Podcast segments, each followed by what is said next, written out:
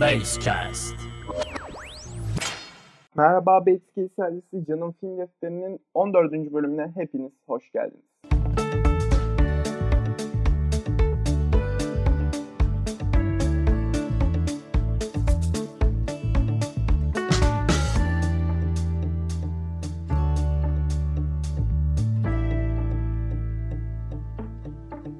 Bugün sizlerle beraber son zamanlarda ne yaptığımı ve Adam Sandler hakkında konuşacağız.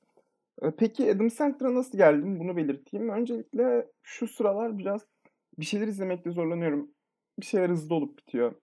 Ee, İlginç bir dönemdeyim hayatımda. Pandeminin yavaş yavaş etkilerini görmeye başlıyorum. Bütün bunların yanında da biraz stand-up şovlarına sardım. Ee, Stand-up izliyorum. Deli gibi stand-up izliyorum ve böyle üçüncü sınıf komediler. Genelde Amerikan. Yani güldürmüyor ama yani güldürüyor ama düşündürmüyor. Yani bazen ikisini de yapmıyor. Yani değişik bir dönemdeyim kısacası.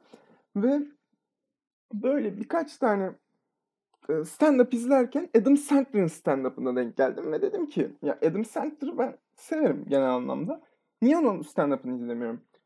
Adam Sandler'ın stand-up'ını izlemeye başladım ve cidden stand-up'ta deliye döndüm yani. Çok güldüm, çok eğlendim. Aşırı güzel bir şovdu. Sonra dedim ki ya ulan dedim bu Adam Sandler'da böyle espriler var dedim ki kendisi de yani film yapan böyle sevimli filmler izlediğimiz falan bir insan. Yani ne oldu da bu adama bir anda herkes düşman oldu, kimse sevmiyor, hoş bulmuyor, takip etmiyor falan. Ve bunun nedenlerini araştırmaya koyuldum. Birincisi, birinci nedeninin e, birinci nedenden başlamayalım. İstiyorsanız Adam Sandler'ın nasıl ortaya çıktığından bahsedelim. SNL'de çıkmış Adam Sandler.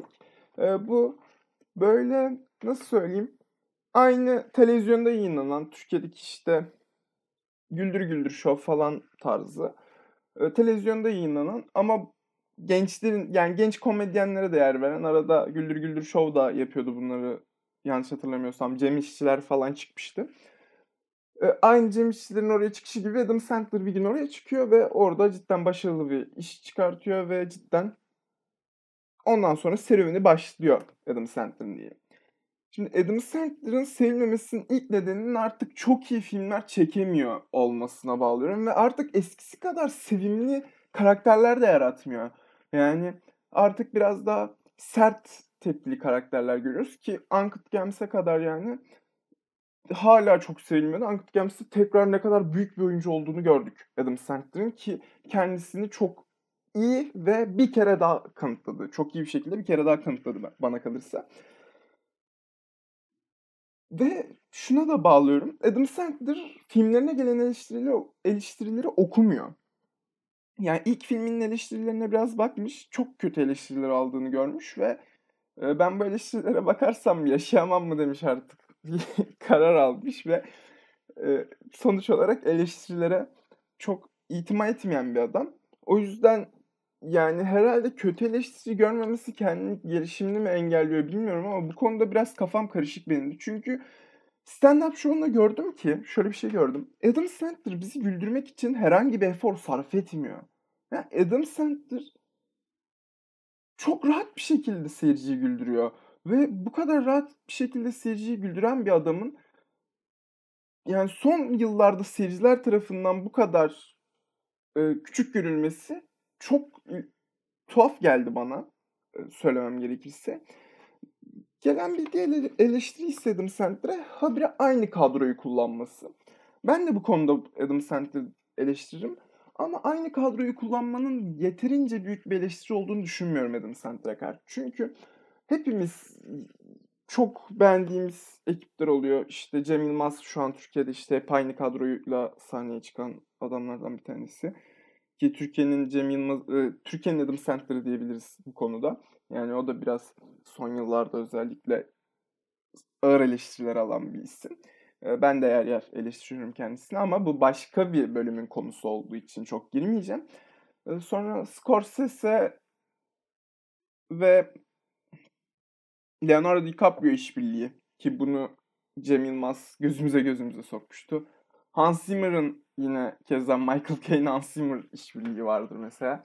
Yani bu olan bir şey. Bu ve bu kötü bir şey değil. Yani bu hatta iyi bir şey işte. Oyuncular kendi alışkanlıklarını bilirlerse, ekibin alışkanlıklarını bilir, bilirlerse, ekibin bir tepkiye nasıl bir reaksiyon göstereceğini bilirlerse çok daha rahat bir film çekimi gerçekleşir ve çok daha rahat e, unsurlar üstüne kurulu film izleriz. E, bu kötü bir şey değil ama Adam Sandler kendini yenilemekle çok zorlandı bu süreçte. Yani kadro aynı kaldı ama birbirinin birbirine çok benzeyen birçok film izletti bize o kadronun aynı kalma sürecinde. Bence asıl eleştiri bu konuda geliyor. Yani aynı kadroyu değil, aynı kadronun devamında gelen işte bu bir aynı filmlerin çekilmesi. Ben buna bağlıyorum eleştiri sebeplerini. Şahsen böyle düşünüyorum. Ama Adam Sandler'ın duyduğum kadarıyla normal hayatında çok depresif bir insan olduğunu duymuştum. Yani çok depresif, hiç gülmüyor falan böyle dendiğini duymuştum. Ve o kadar depresif bir insanın yani stand-up şovuna çıkıp insanları o kadar rahat güldürebilmesi, çok rahat davranması sahnede beni aşırı etkiledi. Ve dedim ki ya Adam Sandler'da severim niye Adam Sandler'ı aklayan bir şey çekmiyorum ve sonuç olarak şunu, şuna karar kıldım. Adam Sandler seyircinin o büyük tepkisine artık ihtiyaç duymuyor. Çünkü artık kendisini kanıtladı. Hem de birçok kez kanıtladı. Ve bu kanıtlama sonucunda da yani artık siz beni beğenseniz ne beğenmesiniz ne tarzı bakıyor anladığım kadarıyla biraz. Bu ne kadar doğru bir kafa ne kadar yanlış bir kafa bilemiyorum. Ama e, biraz rahatlık sonucu gelen bir şey olduğunu düşünüyorum bunun. Evet. Ve ikinci kısmına geçeyim bu podcast'in. Ne yapıyorum? Bayağıdır bölüm gelmiyor falan filan tarzı. Bir kısım olacak bu. Şunu söylemek istiyorum. Biraz pandeminin getirdiği o moral bozukluğunu yavaş yaşamaya başladım ve bu çok hoş olmuyor. Ee, hayatımda işte yeni bir atraksiyon yaşandı. Bir kısa film çekmek istiyorum ve bu kısa film için bilgi topluyorum, bir şeyler yazmaya çalışıyorum, üretmeye çalışıyorum ve bu süreçte e, bu programa biraz az e, tutundum. Yani bu programa çok gelmedim, içimi sizlere dökemedim. E, bu da kötü oldu. Ama artık tekrar tam gaz devam ediyoruz. Merak etmeyin.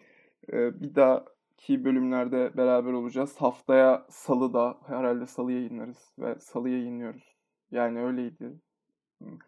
Yani haftaya da ve gelecek haftalarda da beni göreceksiniz. Uzunca bir süre yine istikrarımı sürdürmek istiyorum. Çünkü bir türlü istikrarlı bir e, ayar oturtturamadım programda. Bu yüzden de sizlerden özür dilerim. E, ama kısa film işlerim de umarım en kısa zamanda biterse ki bunu uzun bir sürece yaydım. Yani en kısa zamanda bitmesin de uzun bir süreç işte rahat bir şekilde bitsin e, diyelim. Umarım rahat bir şekilde kısa film işlerim biter ve belki de kendi filmimi yorumladığım bir e, podcast gelir. E, hoş olur, güzel olabilir evet. Bu fikri bir kenara koyalım. E, bunlarla uğraştığım için size çok önem veremedim. Yani kısacası. Dediğim gibi özür dilerim önem veremediğim için. Ama bölümler yine devam edecek. Devam edecekler yani kısacası. Sonuç budur. Bugünlük bana ayrılan sürenin sonuna geldik.